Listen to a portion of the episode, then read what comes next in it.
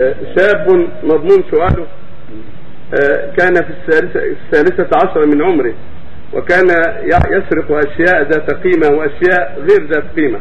فالأشياء غير ذات القيمة تصدق بألف ريال وقال اللهم اجعل الأجر لمن ظلمتهم بذلك رغم أنه يعرف بعضهم ولكنه يخجل من ردها يخجل من ردها إليهم.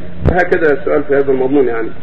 إذا عرف الأموال التي سرقها ويستطيع ردها فالواجب عليه ردها لأهلها بالطريقة الممكنة التي يمكن معها إيصال المال إليهم ولو ما سمى نفسه ولو من طريق بعض الأصدقاء أو بعض الجهات الأخرى.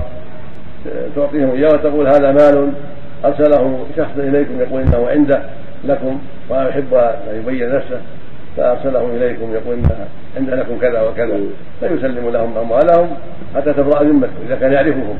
ولا يكفي أن يتصدق بها عنهم وهم معروفون. ما وكله يتصدق عنهم؟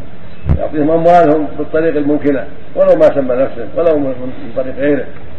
وأما الأشياء الحقيرة التي أخذها من منهم فيعمل ما يستطيع من إيصالها إليهم مثل الأموال الجليلة مهما أمكن لعلها تصل إليهم بالطرق الممكنة. وإذا ما أمكن بالكلية وعليه خطر من إيصالها ولم يمكنه إيصالها تصدق بها.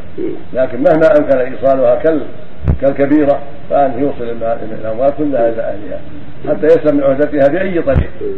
ولا يأخذ منها شيئا ولا يسكت ولا يتصدق بها إلا إذا جهلهم ونسيهم ولم يعرفهم. يتصدق عنهم.